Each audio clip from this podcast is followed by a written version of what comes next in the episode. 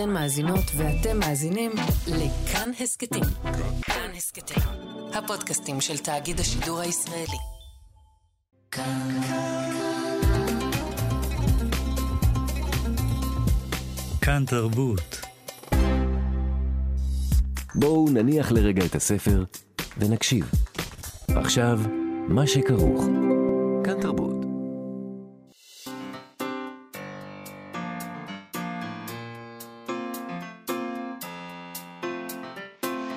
מה שכרוך. עם יובל אביבי ומה יעשה לה.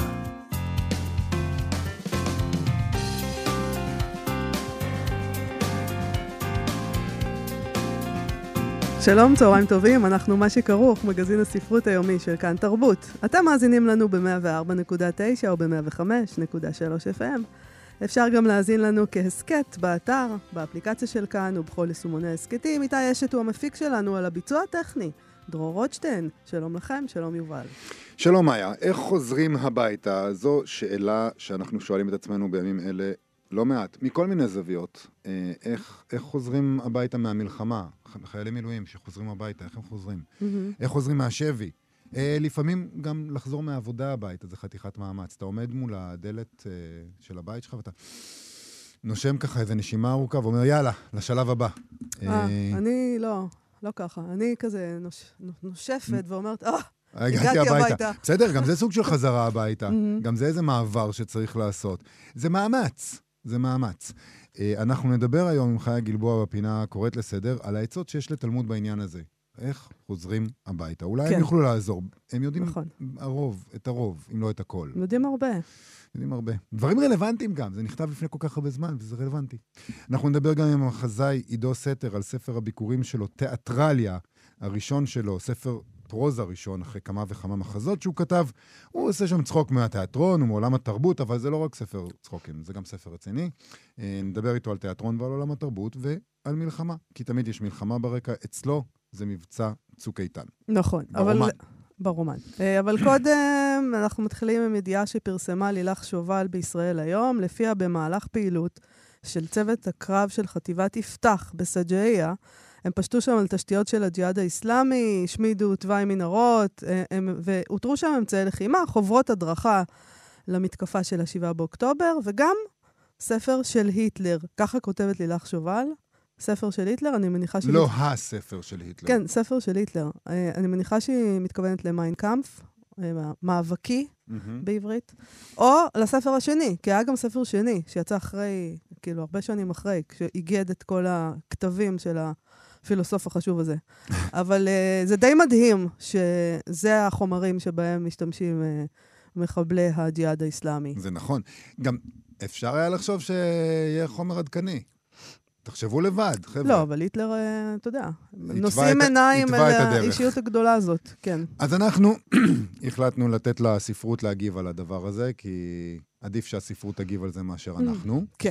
אה, בפינה שלנו ועיקרן תחילה.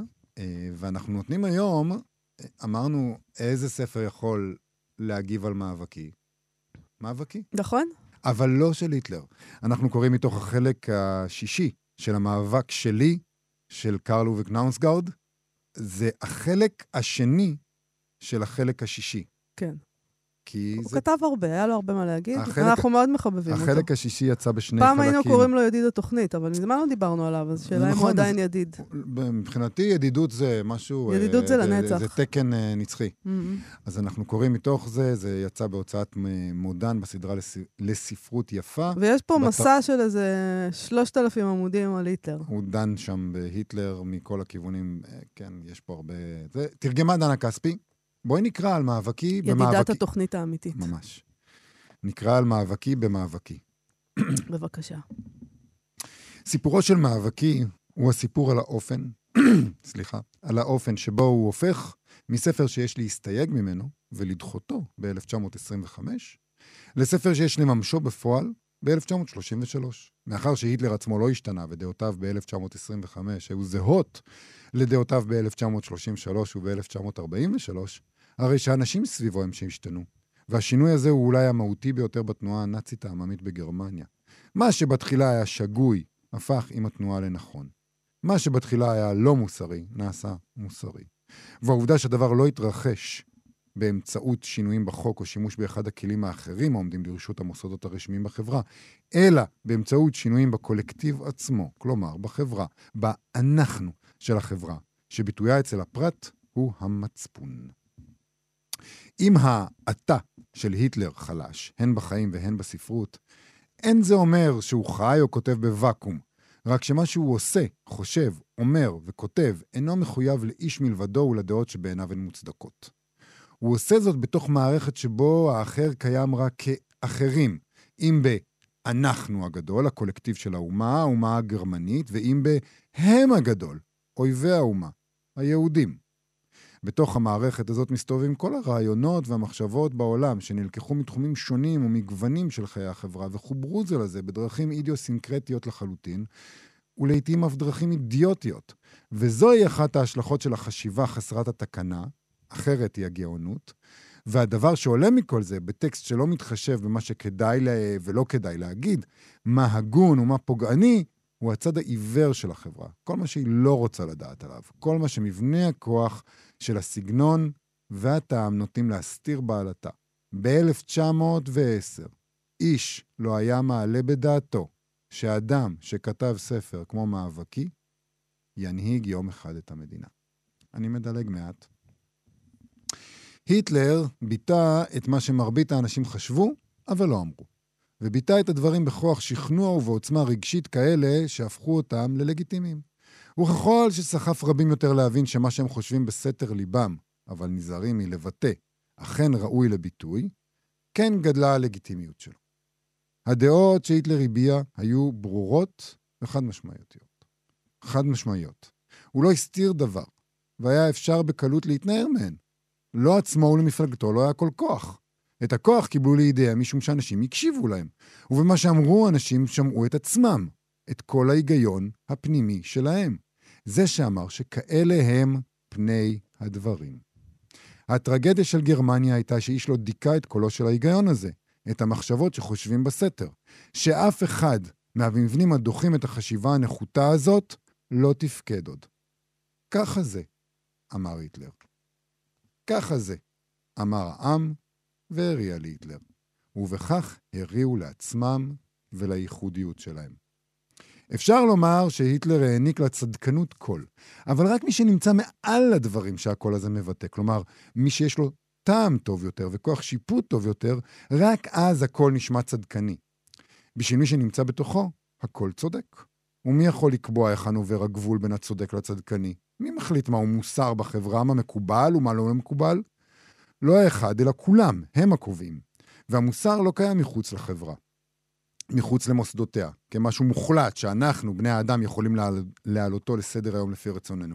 לא, הוא חלק מאיתנו ברגע זה ממש, והוא היה שונה להורינו, ויהיה שונה לילדינו, גם אם לא הרבה.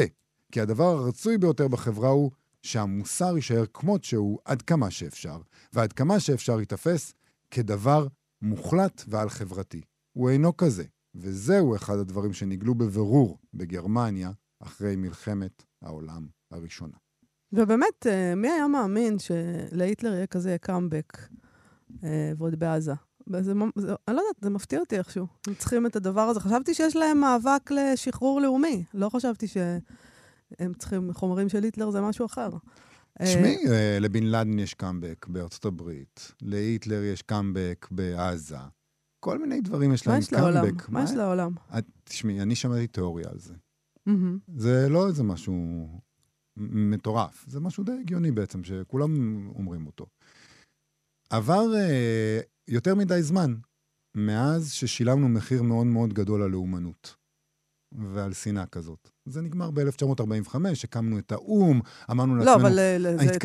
העובדה שהם קוראים, אה, אם זה באמת אה, מייצג משהו והם קוראים היטלר, והעניין שלהם עם היהודים הוא כזה, כמו כן. שהיה של היטלר, אז זה לא עניין של לאומנות. לא, לא. זה, זה... לא, לא נקרא לאומנות, הדבר הזה. זה... הם היו רוצים אולי לקרוא לזה ככה, אבל זה לא ככה. השאלה היחידה היא, מה המחיר שאנחנו מוכנים לשלם עבור השאיפות שלנו? מה המחיר שאנחנו מוכנים לשלם?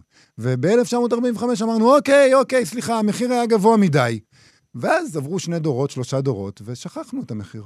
אנחנו מה שכרוך בכאן תרבות. אה, אנחנו עם הספר תיאטרליה של עידו סתר, מדובר ברומן ביקורים, שעושה צחוק מעולם התיאטרון והתרבות, מאיתנו גם, אה, באופן כללי אני מתכוונת, והוא עושה את זה להפליא, זה תענוג. אני רוצה לקרוא את הפסקה, את פסקת הפתיחה בו, כדי שתקראי, שנבין. אחרי שתקראי אותה, כולם יגידו, אה, אני רוצה לקרוא את זה. אני חושבת. כן, אני חושב גם. כשחלף עוזר במאי במבט מושפל על פני מנכ"ל התיאטרון בשעת בוקר מוקדמת במסדרון הארוך, וגופיהם התחככו זה בזה בלי משים, טעה עוזר במאי, אם המנכ"ל יודע שהרגע נתקל במי שיהיה דמות מפתח בתיאטרון הזה, ולא רק בו, אלא בתולדות התיאטרון הישראלי כולו. ולא רק נתקל, אלא גם מתחכך חיכוך של ממש, מותן אל מותן. ואולי בעוד כמה שנים, אחרי שכוכבו של עוזר במאי יתחיל לדרוך, והוא יהיה לבמאי שמביים את מחזותיו בארץ ובחו"ל, אולי אז ייזכר מנכ"ל התיאטרון באותו בוקר אביבי, ובנגיעה קלה של מותניו באלה של עוזר במאי. ויספר, נניח, בשעת חשיפת הרפרטואר השנתי של התיאטרון, שעוזר במאי לשעבר ויצירותיו יתפסו בו מקום מרכזי, כיצד ידע, כבר באותו הבוקר, שהוא נוגע באותו דבר חמקמק שאין להגדירו ושנקרא גדולה. כוסות הקפה שכמעט נשפכו עליי לא הטעו אותי, יאמר המנכ"ל, והעיניים המושפלות לא בלבלו אותי, כי כבר אז ידעתי שלא רחוק היום, שבו התווספו לקירות המסדרון הצר והארוך הזה תמונות מההצגות שיעשה האיש הגבוה והביישן שלפניי. הצגות שיטלטלו אותי, שיטלטלו אתכם, שיוציאו אותנו לדרך חדשה, ושיוסיפו עוד המון תמונות לעוד המון מסדרונות בעולם. אחרים אולי חשבו שניצב לפניהם עוזר במאי, אולם אני זיהיתי, כפי שאני מזהה תמיד, את הפוטנציאל התרבותי האמיתי של הדמות הניצבת מולי. זו, זאת רק פסקת הפתיחה. עידו סתר הוא בדרך כלל הוא מחזאי, וכאמור זה הספר הראשון שלו, שלום עידו. היי מאיה, היי יובל. אז uh, אני חייבת להגיד שאתה עושה קרקס מופלא מעולם התרבות, uh, מהתיאטרון, מהאגו, uh, מהמרחק של כל האנשים האלה, מהדבר עצמו, מהאומנות. Uh, אני תוהה למה החלטת לכתוב רומן ולא מחזה. אני תוהה גם. והאמת היא שזו זו, זו לא הייתה בחירה, בהתחלה לפחות, לא הייתה בחירה מודעת, אני פשוט uh, התחלתי. הייתי ככה אחרי כמה חודשי עוזרות במאי מאוד אינטנסיביים uh, בקאמרי. Um, והתחלתי, ככה גיששתי כדי, כדי לראות מה, מה יכול לצאת מזה. בחוץ זה היה ב, בקיץ של 2014 של צוק איתן, זה היה ככה, המציאות בחוץ הייתה מאוד um, סוערת. Um, והקלתי ואמרתי, טוב, זה, זה אולי יעזור לי ככה ל... ל לעבור את, ה, את התקופה הקשה הזאת, ואז אה, אחרי, אחרי כמה חודשים הבנתי ש, שאולי אפשר, אה, אולי אפשר באמת אה, לעשות מזה רומן. זה מאוד הבהיל אותי, אבל אחרי זה, אחרי שהבהלה נגמרה, אז זה היה מאוד, מאוד מאוד כיף. זה עשוי, זה יכול לעלות על במה, הדבר הזה, בשינויים הנדרשים. זה חותר תחת עצמו, אבל כאילו, על איזה במה. משהו הכי פרינג' שאתה יכול לדמיין. החתירה כבר נעשתה, כן? אין מה לעשות. כן. אתה מדמיין לעצמך דבר כזה? שזה עולה על במה? האמת שלא. כן? האמת היא שלא, כן. אני לא, לא, לא, לא דמיינתי את זה, אני חשבתי על זה שזה מאוד מאוד ספר. זה מאוד ספר, כן. כן. אבל אין לדעת, כלומר, נראה לי שדברים... הרבה הרבה דברים עלו על במה, או ככה הפכו ל... עברו מדיום, מה שנקרא. עידו, אין לך דעה מאוד טובה על התיאטרון הישראלי, אפשר לומר. אפשר לטעון אה, כך. או על בני אדם. כן, אמ, נתחיל מהתיאטרון הישראלי. כן. אמ, אמ, נכון, כלומר, לא, היא, לא, היא לא מאוד טובה, אבל אני כן חושב ש... שמתחת לביקורת ש, שבאמת, אה, שבאמת קיימת, אז אה, יש גם, אה, זו ביקורת ככה של, ש, שנובעת גם מכאב. כלומר, גם כי, כי אני חלק, חלק מהעולם הזה, וגם כי דווקא כשבמגע שלי עם העולם הזה ועם האנשים שככה נמצאים בו, במיוחד האנשים ש... בעלי התפקידים שאני, שאני כותב עליהם ברומן, יותר מהאזורים של ה, באמת התיאטראות הרפרטואריים הגדולים, כן. אז יש, יש איזושהי שניות כזאת, כי מצד אחד, אני כ, כמישהו ש, ש, אוהב תיאטרון, לא אוהב אה, הרבה, את רוב, רוב ההצגות שהם עושים. מצד שני, במפגש האישי איתם, או אפילו לא אישי, במפגש המקצועי איתם, שאני עוזר במאי קטן שמסתובב בקאמרי ורואה כל מיני אנשים, אז, אז, אז יש... הם, הם, הם, לא, הם לא הנבלים שבמרכאות שציפיתי לפגוש. כלומר, הם, הם באמת אוהבים תיאטרון, וזה באמת חשוב להם, פשוט עושים אותו בצורה אחרת. אז למה התיאטרון הוא לא מוצלח?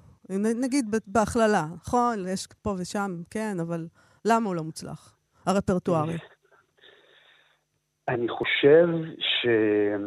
שהוא לא, לא מסוגל אה, לקחת קצה קצהו של סיכון, אה, בגלל, בעיקר בגלל הסד הכלכלי שהוא נתון בו, אה, ו, וחייב ללכת על בטוח, על הבטוח, על המוכר, על הבינוני ברוב המקרים. ו... וקשה, קשה לפרוץ את, ה... את המעגל הזה, כש... כשצריך, כש-80 או בין 70 ל-80 אחוזים מההכנסות של המוסדות האלה מגיעים ממכירת כרטיסים. אז, אז, אז, אז, אז אין להם ברירה כביכול, אלא לעשות אה, דרמת אה, שואה תקומה יחסית. בואו רגע נדבר על זה לבני אדם, בני האדם.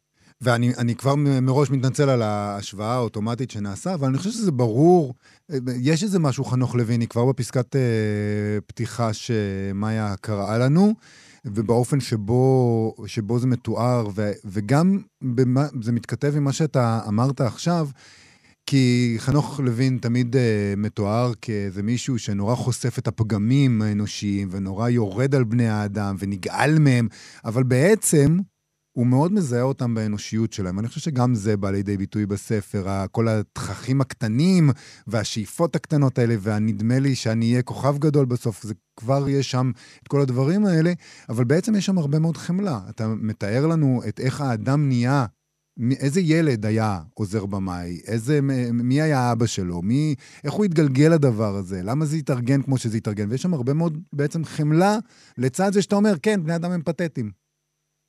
אה, נכון, נכון, נכון. אני חושב ש, שאולי כדי להגיד ש, שבני אדם הם פתטיים, אז צריך, צריך קודם כל את, ה, את החמלה. Uh, למרות ש, שאני, שאני מודה ש, שאצלי בתהליך של הכתיבה זה, הסדר היה הפוך. כלומר, קודם, קודם ככה כתבתי על, על החולשות, ואחרי זה uh, נכנסתי לעומק ה... עומק האפיון ועומק מערכות היחסים. ו...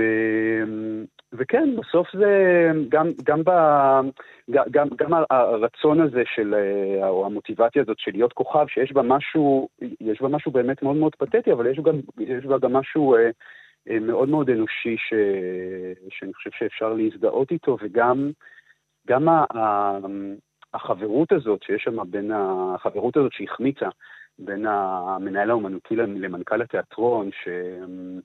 שעברו מצ'כוב בפואיה לכישלונות אה, ענק בבניין התיאטרון הרפרטוארי המפותל, גם, גם בזה יש משהו, אה, משהו ש, ש, שאני חושב שאפשר אה, לזהות אותו ולהזדהות איתו. כן, אתה מדבר נגיד על על קפיטליזם, כן? על הסד הכלכלי, ואתה, ויש איזה מין דבר כזה שאתה מתחיל צעיר ורעב ובועט, ולאט לאט אתה מתברג. ההתברגות הזאת למעלה היא לא בהכרח דבר כל כך חיובי. אתה נהיה עבד של הדברים הקפיטל... של, של, של המתכון הקפיטליסטי הזה. אה, כן, נכון, ואני חושב שבאיזשהו... כלומר, נראה לי, כן, כי אני לא...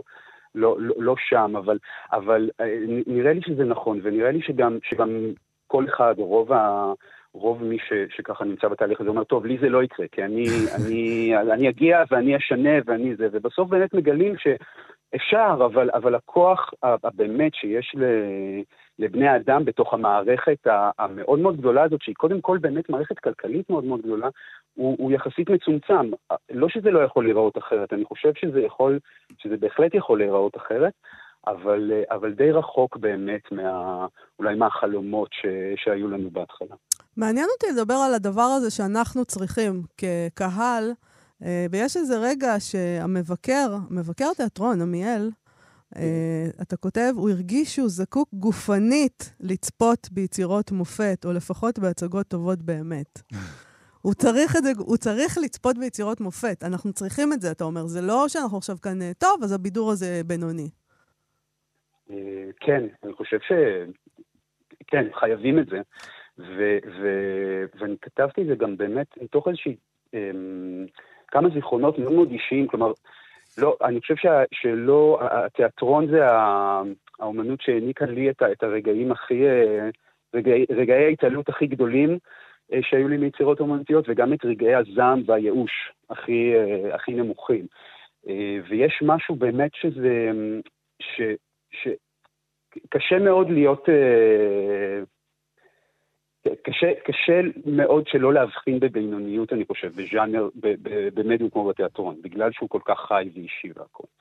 ואז באמת אה, יש, יש איזושהי תחושה שאת יושבת שם ב, ב, על הכיסא, ואת ממש ממש רוצה שזה יקרה, את ממש רוצה ש, ש, ש, שזה יתגשם בפנייך ותהיה יצירה ש, שתגיע אלייך ו, ותטלטל את עולמך. וכשזה קורה זה נפלא. זה הכי נפלא, ו... וברוב הפעמים זה פחות קורה.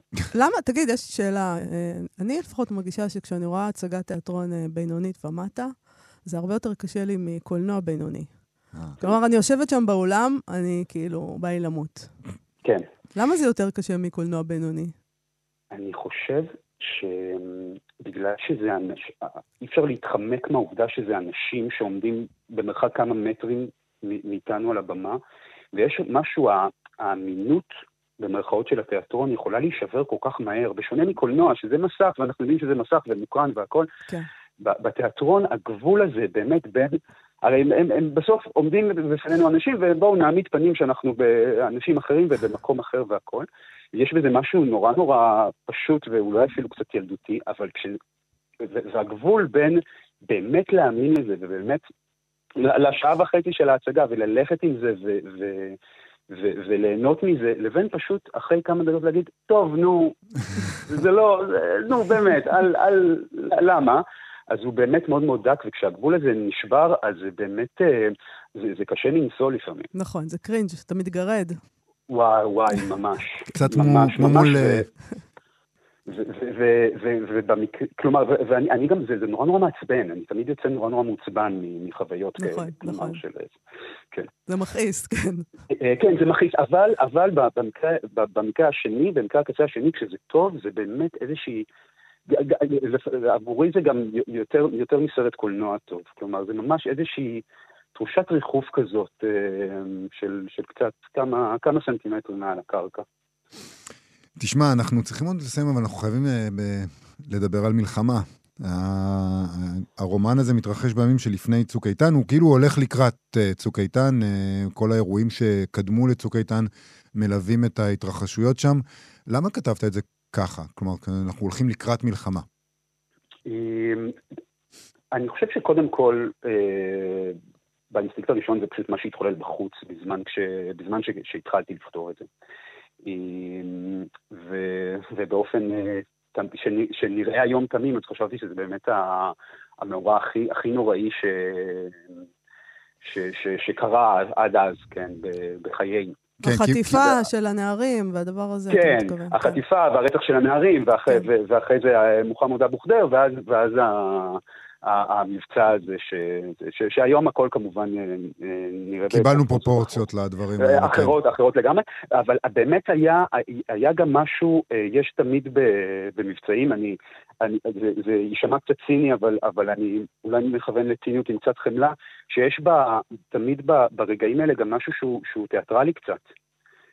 באיך שתמיד יש את ההצהרות האלה, ואיך שמציגים את זה, ואיך שזה, יש בזה כמעט, כמעט נרטיב של דרמה, ש, ששוב, שהוא נחשף, אני חושב, בצורה מאוד מאוד קשה ועלובה, כי בסופו של דבר מדובר בחיי אדם ובחיים שלנו, אה, ולכן נראה לי מתאים לערב בין שני התחומים. כן, זה, זה דומה למה שאמרנו על בני האדם. בסופו של דבר, אה, צריך, אה, אל מול הדבר, העליבות, אנחנו צריכים את החמלה.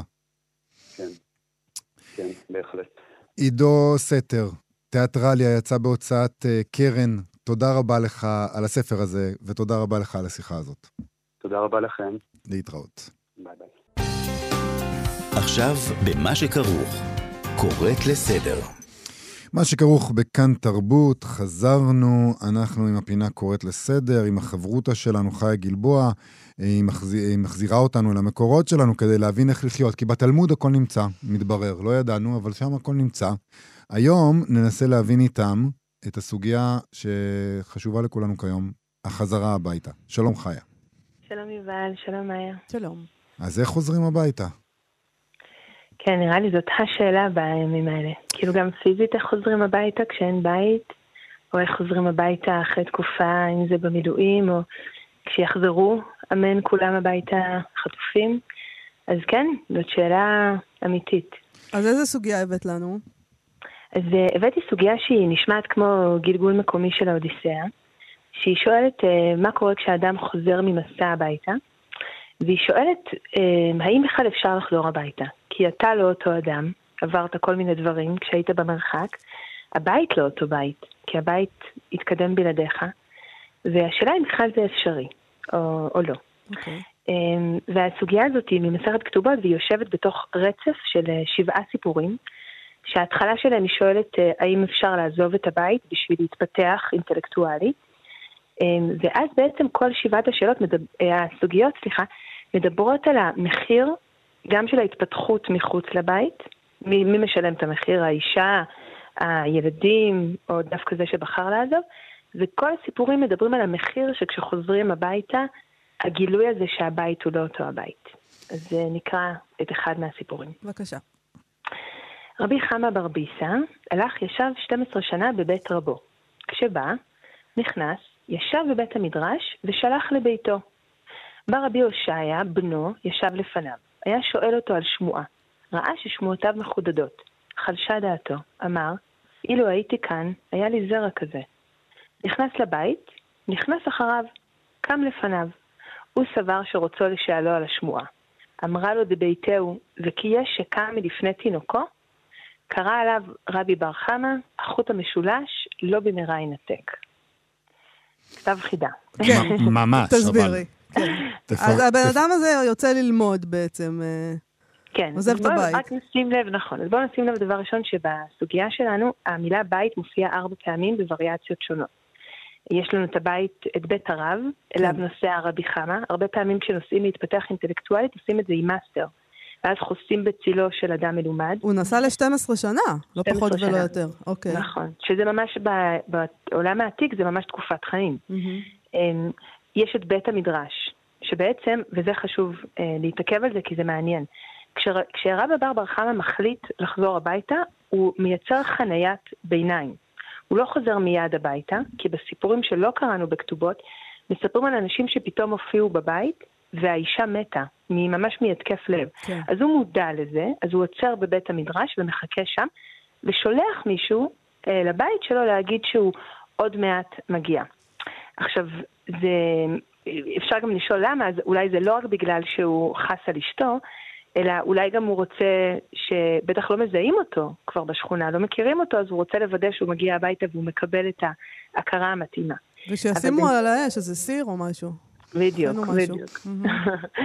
אבל בינתיים מה שמעניין שבבית מדרש הוא מחכה שההודעה תימסר, ופתאום נכנסת דמות שמקרינה סמכות ומעמד, ומה שיודע הבמאי או התסריטאי של התלמוד, וגם אנחנו כשאנחנו קוראים, שהדמות שנכנסת לבית המדרש זה הבן שלו. כן. עכשיו זה רגע נורא עצוב, כי רבא, רבי חמא לא מזהה את הבן שלו. אנחנו לא יודעים אם הבן שלו כן מזהה אותו או לא, אבל הוא לא מזהה אותו. ה-12 שנה האלה היו כנראה מאוד דרמטיים, ומתחילים לדבר כמו שני זרים, הם משוחחים על הלכה, ורבי חמא לא רק מתרשם מהיכולות האינטלקטואליות של אותו צעיר מלומד זר, הוא גם ממש מרגיש צביטה, כי הוא אומר לעצמו, "יש- אני עזבתי ילד בבית, שהוא פחות או יותר בגיל של האדם הזה שאני פוגש. אם הייתי נשאר בבית והייתי מטפח את בני, הוא היה יכול הוא להיות היה יכול להיות כמוהו. זה, כן. כן, עכשיו זה רגע נוראי, כי הוא בעצם לא מבין שמה שהוא היה מקווה שהבן שלו יהיה, זה מה שקרה לבן שלו, בלעדיו. כן. אמ, ואז בעצם הוא, הוא נכנס הביתה, ומה שמעניין, הוא עשה את כל החנייה הזאת כדי שאשתו לא תיבהל, עליה הוא חשב, אבל הדרמה האמיתית היא בינו לבין הבן שלו, לא בינו לבין אשתו. הוא חוזר הביתה, ואז אותו אדם שהוא פגש בבית המדרש נכנס אחריו, ואז המעגל נסגר. והוא מבין כמה דברים. אחד זה שהוא לא זיהה את הבן שלו, ושתיים, שהוא החמיץ את חוויית ההורות, כי הבן שלו הוא כבר אדם בפני עצמו, וגם שהבן שלו עשה את הדרך הזאת בלעדיו. אמ, וזה רגע עצוב מאוד בסוגיה. אבל בעצם זה יכול להיות רגע משמח גם. זה יכול להיות רגע משמח, שתראה, הנה, הילד... מה, אה, שהסתדרו בלעדיך ולא צריכים אותך בכלל? לא, אתה פשוט שמח שהילד שלך יצא בסדר. Mm. שהוא יצא מוצלח. אני, אני חושבת שבהרבה סוגיות בתלמוד זאת שאלה שהחכמים מתעסקים בה. מה קורה, יש הרבה עניין ביחסים בין מאסטר לתלמיד ובין אב לבנו. ומה קורה כשהבן או התלמיד מתעלים על המאסטר. והרבה פעמים כשה, כשהמאסטר לא עושה את ההתפתחות המתאימה, זה נגמר בטרגדיה. אז זה כבר, אני חושבת, מעניין לשאול מה קורה. לא יודעת, יובל, אני, אני אומרת, אני חושבת שכולנו רוצים שאם הילדים שלנו יעלו עלינו, רק נשמח ונהיה גאים, אבל תסתכל הרבה פעמים, אפילו באקדמיה, אתה רואה איזה פרופסור שהבן שלו באותו הגילדה, והבן מתעלה עליו, וזה מכניס מתח שלא היה קיים לפני. אני אגיד, אני אגיד לך, אולי כאן, כשאנחנו יודעים שהוא הלך ללמוד, אולי הוא אומר לעצמו, וואי, בזבזתי 12 שנים. אני, על עצמי. אני הייתי אה. מתפתח יותר טוב אם הייתי נשאר כאן. למדתי את כל הדברים האלה שם, והנה באתי לכאן, והבן שלי שנשאר פה יודע יותר ממני. יפה, כן, יכול להיות. אבל אני חושבת שאי אפשר, זה כמעט בלתי נמנע לא לחשוב על הומרוס ועל האודיסאה. כאילו, אני חושבת ש... וגם להניח שהחכמים מכירים אותה, את, ה- את הסיפור של האודיסאה, כי אני חושבת שבשני המקרים, כאילו אם האודיסאה זה אפוס שמדבר על מסע או על הרפתקאות ועל הבית שממתין, גם שם שואלים איך בעצם חוזרים הביתה ומה מגלים שקרה בבית. כאילו כן. שם זה פנלופה ו... והמחזרים שלה, אם אני. זוכרת נכון. כן? אבל פתאום גם הוא מגלה, כאילו כשהוא נוסע והוא מתרחק, הבית קופא בזמן. זה שנסע לא ער לזה שהבית גם ממשיך לנסוע. אולי הוא עומד במקום, אבל הוא גם מתפתח. ויש אה, משהו באמת שובר לב כשאדם חוזר הביתה ומגלה שהבית, הרעיון של הדבר שתמיד יהיה שם בשבילנו, הוא גם משתנה. אז אולי צריך תמיד, אולי מה התלמוד. חושב על זה, אבל שאולי היה צריך אולי לנסוע? אז יש ביקורת מאוד גדולה על תלמידי חכמים שנוסעים לתקופות ארוכות. במסכת כתובות דנים על זה, ושואלים מי יכול לנסוע ובאיזה אה, אצטלה. למשל, כן מתירים לנסוע כדי להתפתח רוחנית ואינטלקטואלית, פחות מתירים לנסוע בשביל פרנסה, לאורך זמן. אז למרות שיש לנו דמויות שהן מיתולוגיות, רבי עקיבא כאלה, שחוגגים את זה שהם נסעו, אבל יש הרבה מאוד ביקורת על זה, שהרבה פעמים הבית נזנח בשם האידיאולוגיה שבחוץ. ומלחמה, הם גם כן שואלים את עצמם? אה, כן, אה, של איך חוזרים ממלחמה. איך כן. חוזרים מלחמה? למי, למי מותר אה, לנסוע לפרק זמן כל כך ארוך? מה קורה? איך עושים את זה? כן, זה, זה סוגה אחרת, כי פה אנחנו בעצם מדברים על אנשים שבחרו בחירה חופשית לעזוב את הבית, להתפתחות אישית, כן. ולא מתוך מחויבות לאומית. או גם פרנסה, כן, אבל מלחמה, כמו שאנחנו גם חוות כרגע, זה בעצם מצב שנכפה עליך לעזוב את הבית. ואז גם הבית נדרש להיות בהמתנה מתוך איזו אידיאולוגיה לאומית הרבה פעמים. הבית נדרש לחכות קפוא בעצם. אה, מישהו אמר לי אתמול, שהוא אמר לאשתו, הוא עזב תינוק מאוד קטן ויצא למילואים, והוא אמר לאשתו, תקשיבי, אני לא יכול למנוע מהתינוק להתחיל ללכת, או... אבל אל תתחילי עם מוצקים בלעדיי, כאילו אני לא רוצה ממש להחליט. וזה היה כל כך מקסים, הוא אמר לי את זה וצחקנו, אמרנו, זה לא באמת, אבל היה בזה משהו, ניסיון להקפיא את הזמן. אמ, כי זה באמת כואב לחזור ולראות ש... שדברים השתנו. שהכל המשיך. כן? כן, זה גם, כן, אה. זה גם, את יודעת, זה גם הפספוס הקטן יחסית, שיש בתוכו מגולם האיום של הפספוס הגדול עוד יותר. יפה, נכון, נכון. אמ, אנחנו צריכים לסיים, אבל לא נסיים בלי קטע ספרותי ש- אמ, שימסגר את זה. מה בחרת לנו? כן. הבאתי את קפקא, אני מרגישה שהוא המשך ישיר לסוגיה. אוקיי. אז קוראים לקטע השיבה הביתה. חזרתי, נכנסתי בשער ואני מביט סביבי, חצרו הישנה של אבא. השלולית בתווך, כלים ישנים שאין בהם תכלית, מוטלים בערבוביה, חוסמים את הדרך. החתול אורב על המעקה. הגעתי. מי יקבל את פניי? מי יחכה מאחורי דלת המטבח? עשן עולה מן הערובה, הקפה מתבשל. נוח לך, אתה חש את עצמך בבית? איני יודע. איני בטוח כלל. מה תועלת אביא להם? מה להם ולי? ואפילו בנו של אבא אני, ואיני מעיד לדפוק על דלת המטבח. רק מרחוק אני מטה אוזן. שאי אפשר יהיה לתפסני כמי שמאזין בחשאי. וכיוון שאני מטה אוזן מרחוק, ממילא איני קולט כלום. רק קול שעון רפה אני שומע, או שמא רק נדמה לי שאני שומע, כשהוא מכה בתוך ימי ילדותי. כל שאר המתרחש במטבח סודם של יושביו הוא, שהם שומרים אותו מפניי. יותר שאתה עומד לפני הדלת ומהסס, יותר גדולה הזרות. ואם היה מישהו פותח את הדלת ושואלני שאלה, האם לא הייתי גם אני כמי שמבקש לשמור על סודו? יפה מאוד. נגיד שזה תרגום של אברהם כרמל, קובץ סיפורים קפקא, יצא בהוצאת שוקן. תודה. חיה גלבוע, תודה רבה לך על תודה. הפינה הזו, שנדע לחזור הביתה ושכולם יחזרו שנהיה הביתה. בריאים. תודה, חיה. אמן. תודה. להתראות. להתראות. אנחנו מה שכרוך בכאן תרבות, ואנחנו עם סיפור קטן מאחורי הקלעים של הוצאת ספרים בישראל. יש לנו מכתב שקיבלנו, שכתב עורך בהוצאת ספרי עליית הגג, מולי מלצר, לקוראת אחת שקראה את כל העולם במה, הספר ה-12 בסדרה תיבת פנדורין של בוריס אקונין, והתעצבנה. היא התעצבנה והיא שלחה מכתב. כן. מה עצבן אותה? היא כתבה להוצאה ככה. מצער אותי לראות שהוצאות ספרים שנחשבות למכובדות, מזלזלות בשפה העברית. באמת לא ידוע לכם שבשפה העברית קיצורים וראשי תיבות יש לסמן רק באמצעות גרש וגרשיים, מירכאות ומרכאות כפולות, ולא באמצעות נקודות. כלומר, כתבו צה"ל נקודה, צדיק נקודה ה' נקודה ל', כן, ולא... במקום בלי- גרשיים בלי אחרי גרשיים. ההי. כלומר, הדרך שבה החליטו בהוצאה אה, לכתוב את הקיצורים, שזה אותה. עם נקודות, כן. אה, לא נראתה לה. תשמעי, אני חייב להגיד שגם לי מוזר. בהתחלה אמרתי, אה, נוקדנות וזה, מה את עכשיו נתפסת, אה, מותר וזה. מה, נוקדנות אנחנו חייבים. כשאנחנו קוראים, אנחנו חייבים נוקדנות. אני אוהב אני נוקדנות. אוהבת נוקדנות. ואני, ואז הודיתי בפני עצמי שגם אני נוקדן. Mm, כי גם לי מוזר אם היו כותבים, נגיד, אמ, אז למה אתה לא צה"ל, כותב מכתבים למולי מלצר? אני הכוח, אני פסיביסט. הבנתי. אני יותר נוטה לבחור באי עשייה. יפה. אבל נגיד, דוקטור, אפשר אה, עם גרש ועם נקודה, הייתי מקבל את שתיהן. אבל צה"ל, הייתי רוצה גרשיים. אני... אז מולי מלצר מסביר. אה, אוקיי. פשוט מאוד. אה, תשובה ארוכה ומפורטת הוא שלח לקוראת הזאת, שזה דבר מאוד יפה ומכבד. אה, עורך של הוצאה הקדיש מזמנו כדי להתייחס בצורה ארוכה לטענה של קוראת. אז ככה הוא כתב לה. אני מאוד צחקתי שקראתי את המכתב שלו. נראה אם גם אתה תצחק. תודה על מכתבך אלינו בעניין הקיצורים וראשי התיבות. ואני שמח שישנם קוראים כמוך, שנותנים את דעתם אפילו לדקויות כאלה. הוצאת ספרי עליית הגג הטילה עליי את המשימה המכובדת לענות לך, והריני לעשות זאת בנפש חפצה.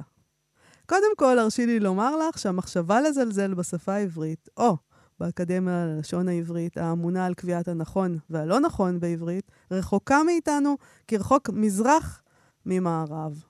בסוד אגלה לך כי אביהם של שני האורחים העיקריים של ההוצאה, דוקטור יהודה מלצר ואחיו הצעיר, אנוכי, מולי מלצר הוא המשורר, המתרגם והעורך שמשון מלצר, שהיה במשך שנים רבות חבר האקדמיה וחבר פעיל מאוד. שני הבנים האלה, שניהם היום כבר לא גדיים צעירים, הם עצמם כבר צברו במשותף כמאה שנות עריכה, ואולי יותר.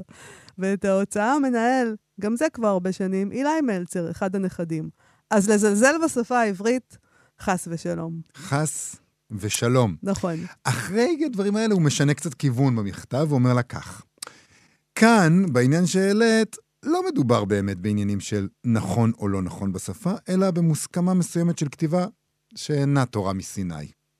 אכן האקדמיה קובעת שראשי תיבות מציינים בגרשיים, ובדרך כלל באמת לא נכתוב צה"ל עם נקודה אחרי הצדי ואחרי ההי, אלא צה"ל עם גרשיים אחרי ההי, לא בג"ץ עם נקודה אחרי הבית ואחרי הגימל, אלא בג"ץ עם גרשיים אחרי הגימל, וכן הלאה, בוודאי כשמדובר בראשי תיבות של מילים עבריות. אגב, את ראשי תיבות הוא כותב בראשי תיבות. נכון.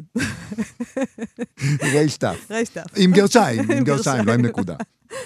אבל, הוא אומר, בקיצורים של שמות, בעיקר שמות לועזיים, ישנה בעיה ש, אמ, שהכלל של האקדמיה, שימוש בגרש בודד, לא תמיד נותן לה תשובה מספקת. איך ידע קורא אם הייצור הוא גימל, כמו בשם גרי, או ג'ימל, כמו בס... בשם ג'ורג'? האם עלינו לכתוב למשל גימל עם גרש אחד וושינגטון, או גימל עם שני גרשיים וושינגטון? תשאל אותי, אני אגיד לך, עם גרש אחד. ברור. מה זאת אומרת? מה זאת אומרת? מה, בגלל שהוא ג'ורג' נוסיף שם? לא. ברור. נכון. אתה- אה, רגע הקסום שבו אנחנו מסכימים מיד, קסום. ובאופן, אה, אה, לוהב גם. הסכמנו. Mhm. הוא אומר לה, במילים אחרות, מאחר שהגרש משמש גם לציון יצורים לועזיים כמו ג'ימל או צ'אדי, השימוש בו לציון מילה מקוצרת עלול לבלבל. הכלל הבסיסי שלנו, הוא אומר, הוא להשתדל לסייע לקוראים להגות את השמות קרוב ככל האפשר למקומם. השימוש בנקודה במקרים כאלה פותר את הבעיה. למשל, ג' עם נקודה אחרי הקופר, לעומת ג'ימל עם נקודה וושינגטון. ג' זה גרש. של הג' ונקודה. כך שלפעמים לפעול אחרת ממה שהאקדמיה ממליצה, זה לא כל כך נורא, אם המטרה טובה. נכון, והוא מסיים כך, לא אתאפק מלומר גם את זאת, הסדרת תיבת פנדורין שבה הופיע הספר כל העולם במה, ושאיני העורך שלה, כלומר אין כאן נחתום המעיד על עיסתו, היא סדרת מופת, לא רק מבחינת הספרים עצמם, אלא גם מבחינת התרגום והעריכה שלהם. אם תשימי לב למורכבות של התרגום של ספר כזה, ספר שנכתב ברוסית, אבל כולל בתוכו כל כך הרבה תרבות יפנית, עם יפני אחד שמדבר רוסית במבטא יפני, אולי תוכלי להעריך טוב יותר את ההשקעה שנעשתה בתרגום, ובעריכה של הספר ובכל ספרי הסדרה. באמת, אם יש משהו שאנחנו לא מזלזלים בו, זו השפה העברית וגם הקוראים. אילו זה היה היחס שלנו לשפה שלנו, מן הסתם היינו מחפשים לנו קריירה באיזה מקצוע מתגמל אחר, מתגמל במרכאות, ולא בהוצאת ספרים. אני בטים אה, מולי מלצר. אני חושבת שאני אתחיל לכתוב לו מכתבים. וואו. בשביל לקבל את אה, התשובות. כן, נעשה פינה קבועה. מכתבים למולי מלצר. מכתבים למולי מלצר, ועם הרעיון הלוהב והנהדר הזה, אנחנו מסיימים את התוכנית שלנו להיום, ונגיד תודה למפיק שלנו איתי אשת, ולדרור רוטשטיין שהיה איתנו על הביצוע הטכני. נזמין אתכן ואתכם לבקר בעמוד הפייסבוק שלנו, ונזכיר לכם שמחר בשבע בבוקר אנחנו משדרים לכם את המיטב של השבוע החולף. להתראות. להתראות. אתן מאזינות ואתם מאזינים לכאן הסכתים. כאן הסכתים, הפודקאסטים של תאגיד השידור הישראלי.